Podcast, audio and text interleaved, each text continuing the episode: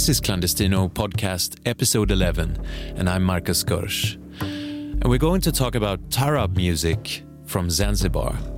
With us, we have three guests. My name is Siti Muharam, natokea Zanzibar. Ni msanii wa, wa taarab asilia, pia ni kirembo cha Siti binti Saad. Yeah, my name is Hassan Mahenge. Uh, I play oud uh, with the Siti Muharam band, all the way from Zanzibar. And Siti Muharam, uh, she's a great granddaughter of Siti bin Saad. Also with us here, Pete. Yeah, man. I'm uh, Pete from On the Corner Records. Um, yeah, the record label behind this this project, and erstwhile tour manager, and also um, on stage uh, working the producing the backing track.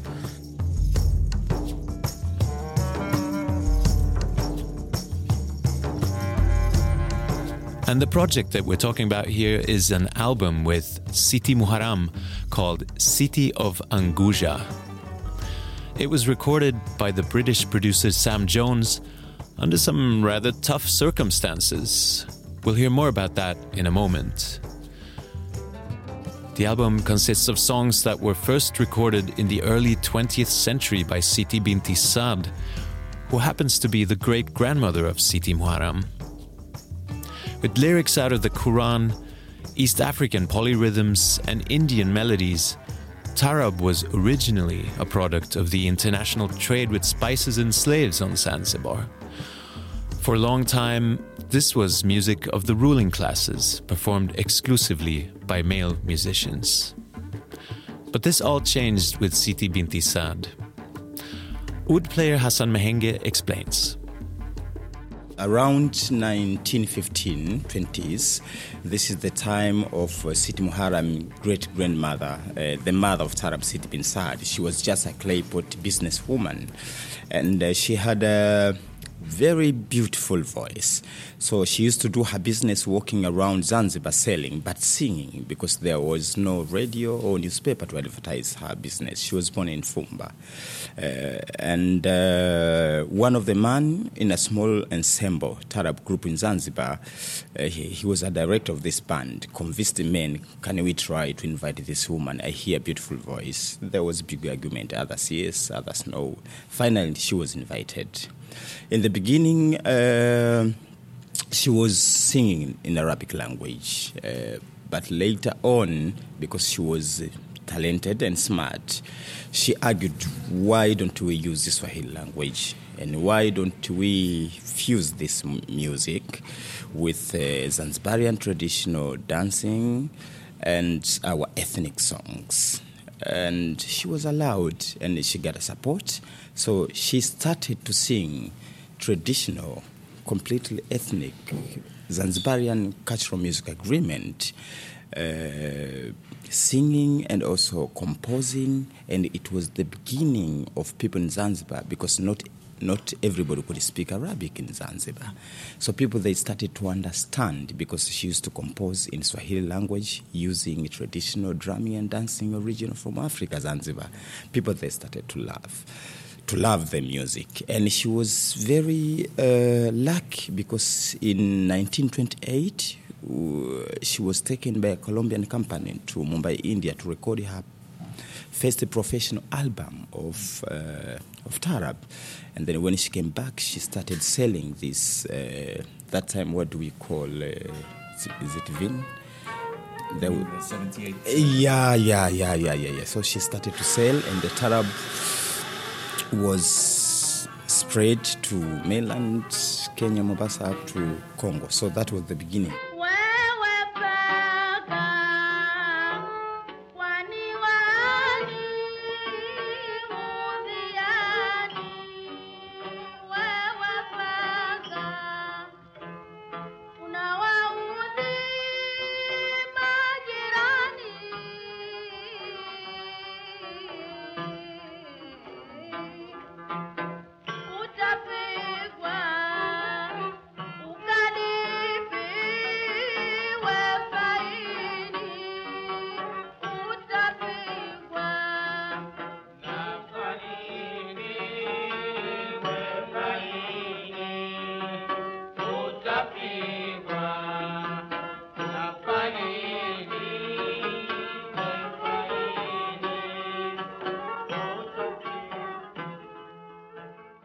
She was essentially an, a real pioneer in many ways from her politics, uh, her music, her lang- the language that she used, the poetry. But yeah, she was the first person to travel overseas to record. She recorded in India, and those early recordings they were being manufactured tens of thousands of copies, like 50, 60,000 copies, and, and 78, which is unbelievable, really, considering um, you know the, the market. But across East Africa, she was selling tens of thousands of, of records at the time. Very few actually exist. Uh, apparently, it said that she composed up to 500 uh, pieces of music. A lot of a lot of the traditional motifs have kind of been lost, but then the band here are doing a, keeping some of some of her work alive. You know, um, yeah. Just to sort of sum this story up a little bit, yeah. we have a music that was played in the castles of the Arab uh, upper class, right? And then in a relatively short period of time, it becomes recorded and the language goes from Arabic to, to Swahili, and it becomes sort of a.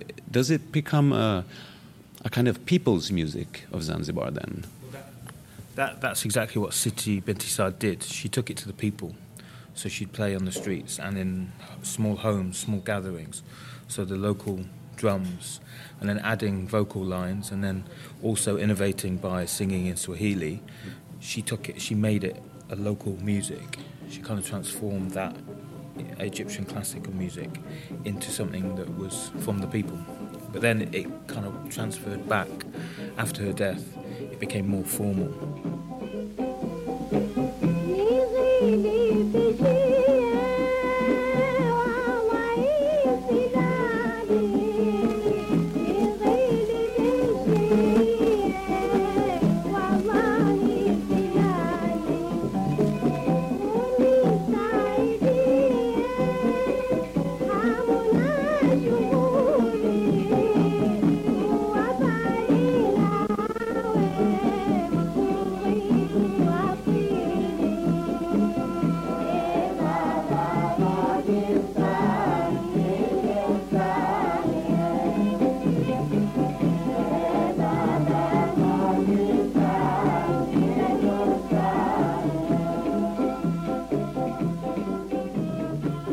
Binti Saad, this sort of innovator of, of Taarab music, and she's your great grandmother. Was her music very like a big part of your life always? Uh, anasema uh, bibi yako Siti Binti Saad na, na, na, na, na huu mziki wake imekuwa ina maana gani? Je, imekuwa ina maana kubwa sana katika maisha yako ya mziki mpaka leo? Yeah, ina maana kwa sababu kwanza nyimbo zake zilikuwa nyingi za kuelimisha jamii.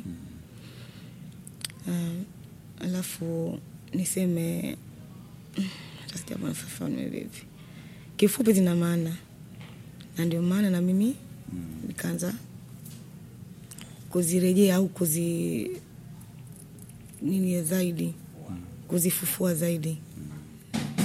Yeah, she is uh, happy and the composition songs from Siti Bin Saad, her great grandmother. She's happy and proud of that because it, it, it, is, it is not just music for entertaining, but she was educating people, her relics. So once she heard that, she was very happy and she found out that there was a reason to continue to sing her great grandmother's music.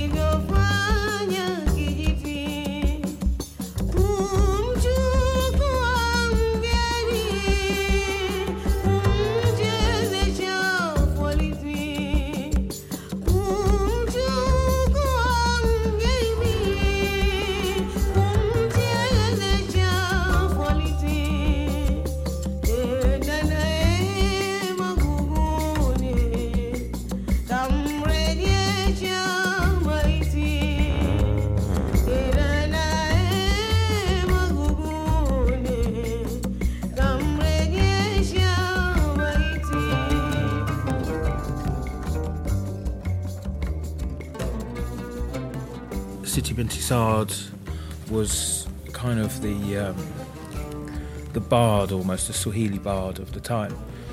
Um, before before she took this music to the street, in fact, before she sang, women weren't singing.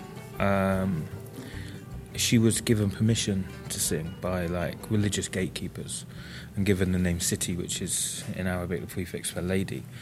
Um, and all these things gave her the space to feel not necessarily free, but feel like she could express her point of view and the point of view of the people.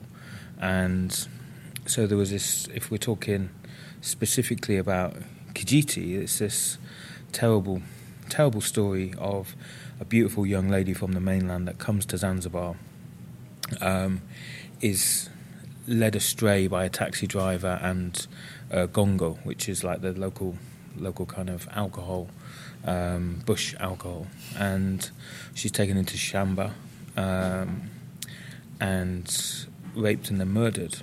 And following that crime, uh, some witnesses came forwards to report on this situation, this, this terrible situation, and it was it was the witnesses that got sentenced by the British colonial authorities at the time, but they were also working with local kind of power as well. So it was it wasn't just the British, but it was the Zanzibar administration and the British.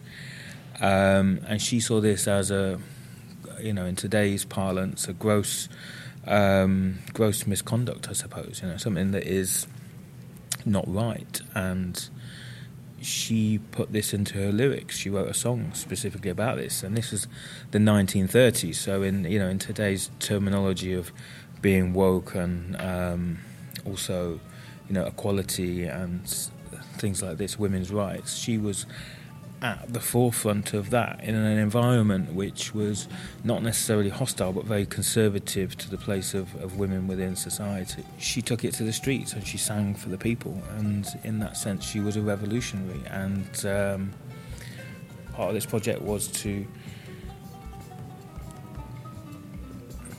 reawaken that legacy.